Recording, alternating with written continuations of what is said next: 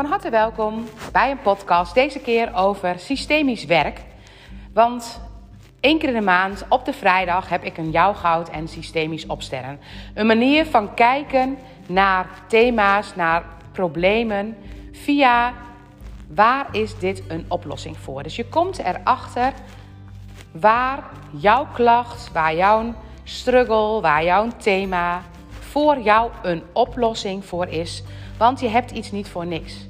Iets is niet voor niks in jouw systeem. Je hebt niet voor niks pijnklachten. Je hebt niet voor niks buikklachten. Je hebt zelfs niet voor niks een bepaalde aandoening. Want altijd wil je lichaam jou ermee helpen. En natuurlijk snap ik het als je een bepaalde aandoening hebt dat je echt denkt van nou, ik kan me niet voorstellen dat dat mij ergens mee helpt. En omdat wij ons dat niet kunnen voorstellen, is systemisch werk briljant. Want juist met systemisch werk kun je in de kern kijken waar iets een oplossing voor is.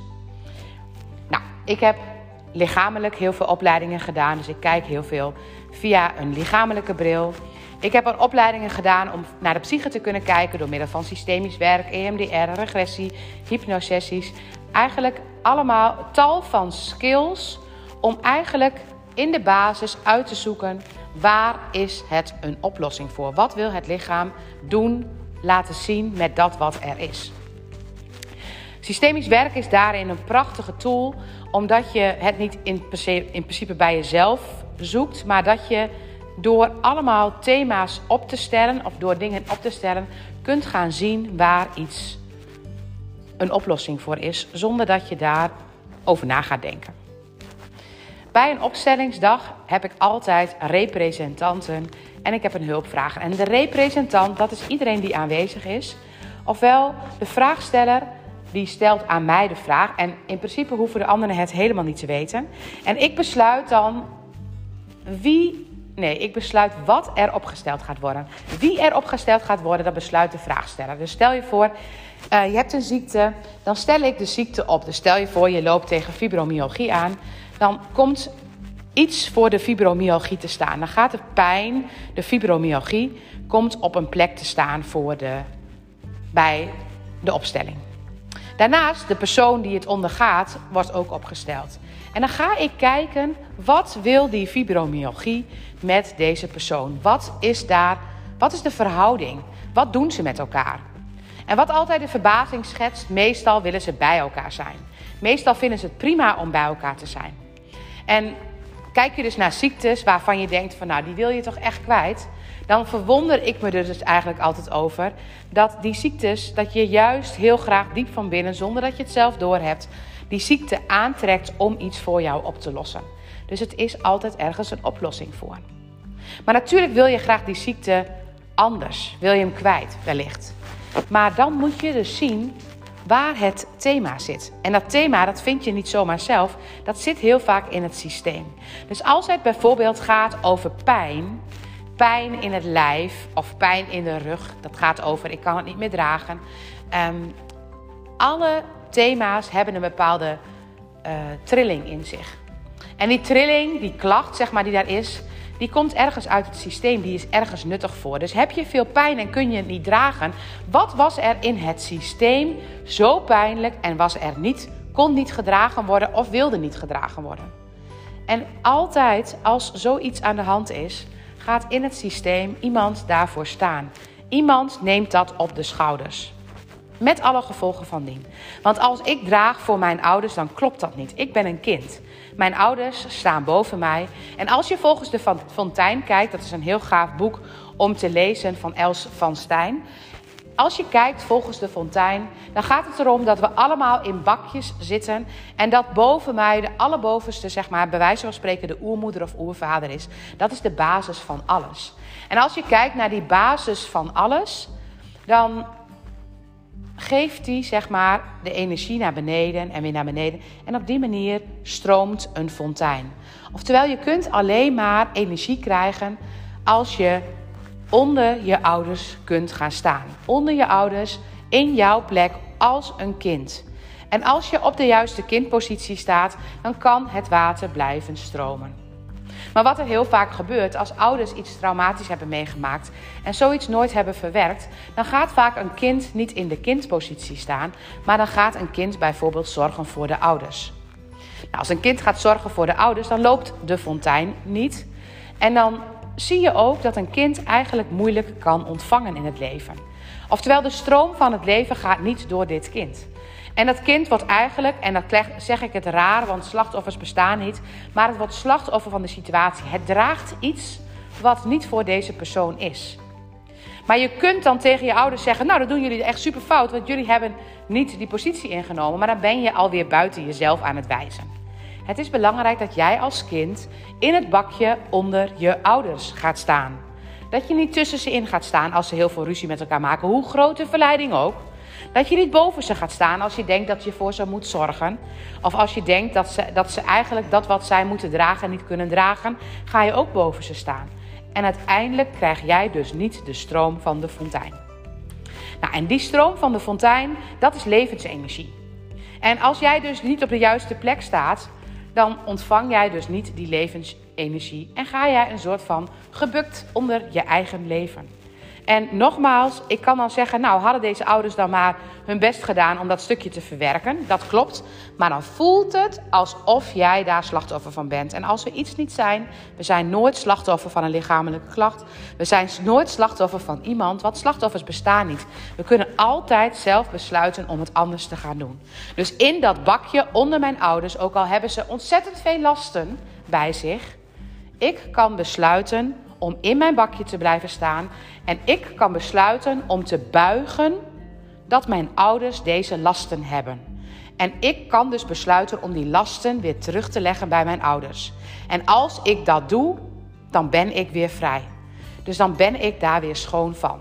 En als je dat ook voor jezelf ziet, dan is dat voor iedereen fijn. Als je dat in de energie doet, onderschat niet hoe ontzettend fijn het voelt als je die last niet meer op je schouders draagt.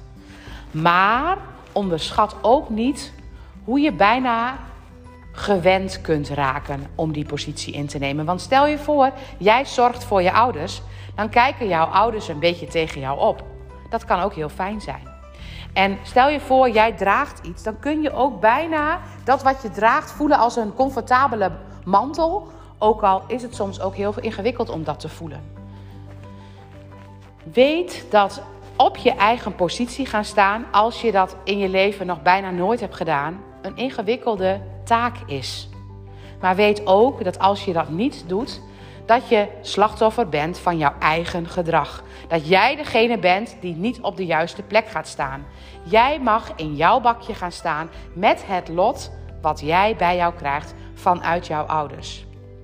En wat zijn we gewend soms om te vechten tegen dat lot? Zelfs als je naar therapie gaat, dan ben je vaak geneigd om te kijken van...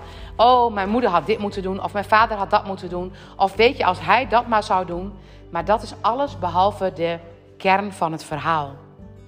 Altijd als je het niet meer kunt grijpen, als je anderen erbij haalt, is het belangrijk om te zien hoe die ouders een deel in jou zijn. Dus als je naar systemisch werk kijkt, dan zie je eigenlijk in plaats van je ouders, je broers en zussen, een overleden kind, dan zie je de deler in jou. De vader in jou, de moeder in jou, het overleden kindje in jou. Het zijn allemaal jouw eigen delen. Dus als je een zus of broer hebt waar je echt super aan irriteert, dan zegt dat iets over een deel in jou waar jij je bij jezelf aan irriteert.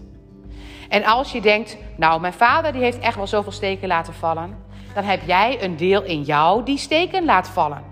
En als je vindt dat je vader ongelooflijk koppig is en nooit een keer in eigen spiegel wil kijken, dan weet ik zeker dat jij een koppig deel in jouzelf hebt die nooit in de spiegel wil kijken.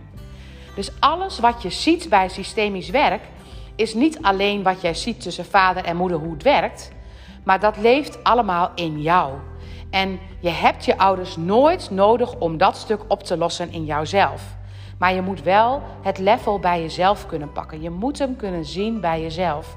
Dus kom je in een opstelling en heb je daar een moeder die ongelooflijk slachtoffer is van een situatie, dan heb jij een slachtofferdeel in jou. En dat deel wil gezien.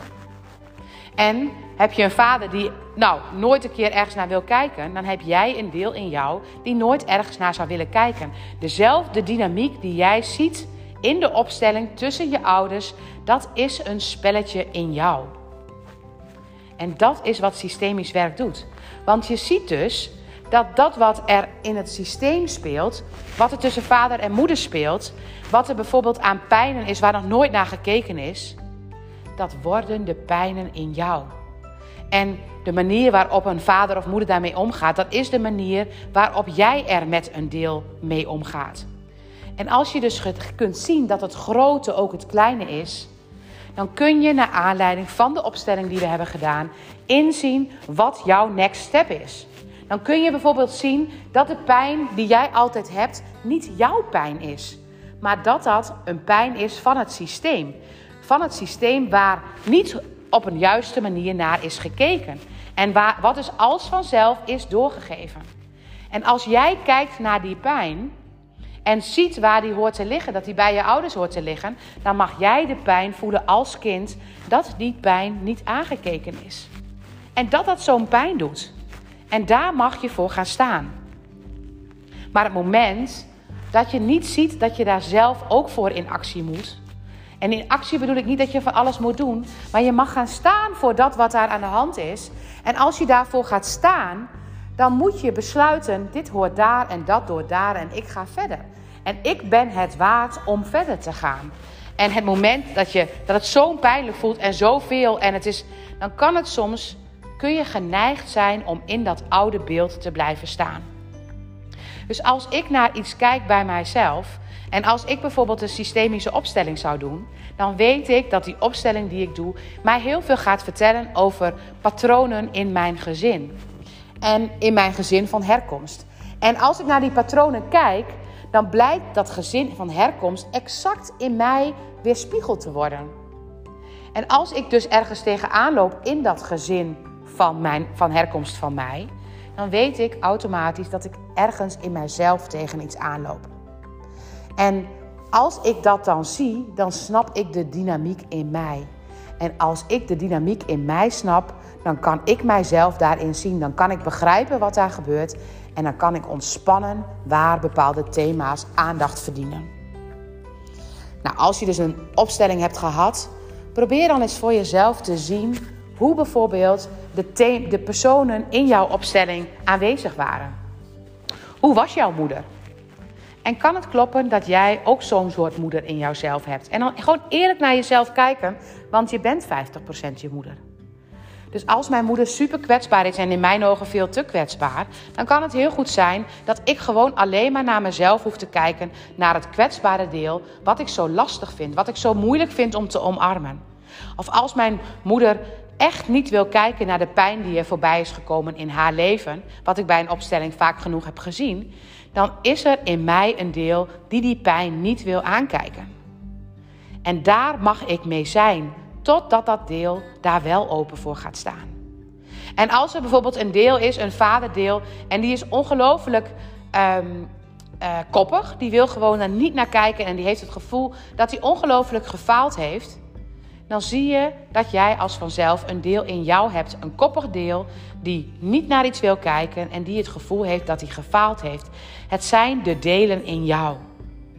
En die delen kennende, die delen zien en die delen in jezelf omarmen, dat zorgt ervoor dat pijn niet meer nodig is. In jouw goud en systemisch opstellen neem ik je mee in de dynamiek in jou. Jij hebt jouw hulpvraag en ik stel hem op zoals de dynamiek in jou tevoorschijn komt. En dan gaan we niet zeggen van papa had dit moeten doen of mama had dat moeten doen. Je neemt het mee als een deel. Het zijn jouw cellen die dit in zich hebben. En het zijn jouw cellen die kunnen besluiten dat de pijn weer teruggelegd wordt op de juiste plek en dat de pijn aangekeken wordt zoals het aangekeken zou mogen worden. En weet, als je dan besluit te gaan vechten tegen de pijn, als je besluit van dit gaat toch niet werken, het is een eigenwaardeconflict. In de vorige podcast legde ik eigenwaardeconflicten uit. Dus als je het gevoel hebt dat je dit niet kan, of als je het gevoel hebt dat dit niet lukt, weet dat dat weer het gevoel van falen naar boven haalt en opnieuw conflicten kan geven. Dankjewel voor het luisteren.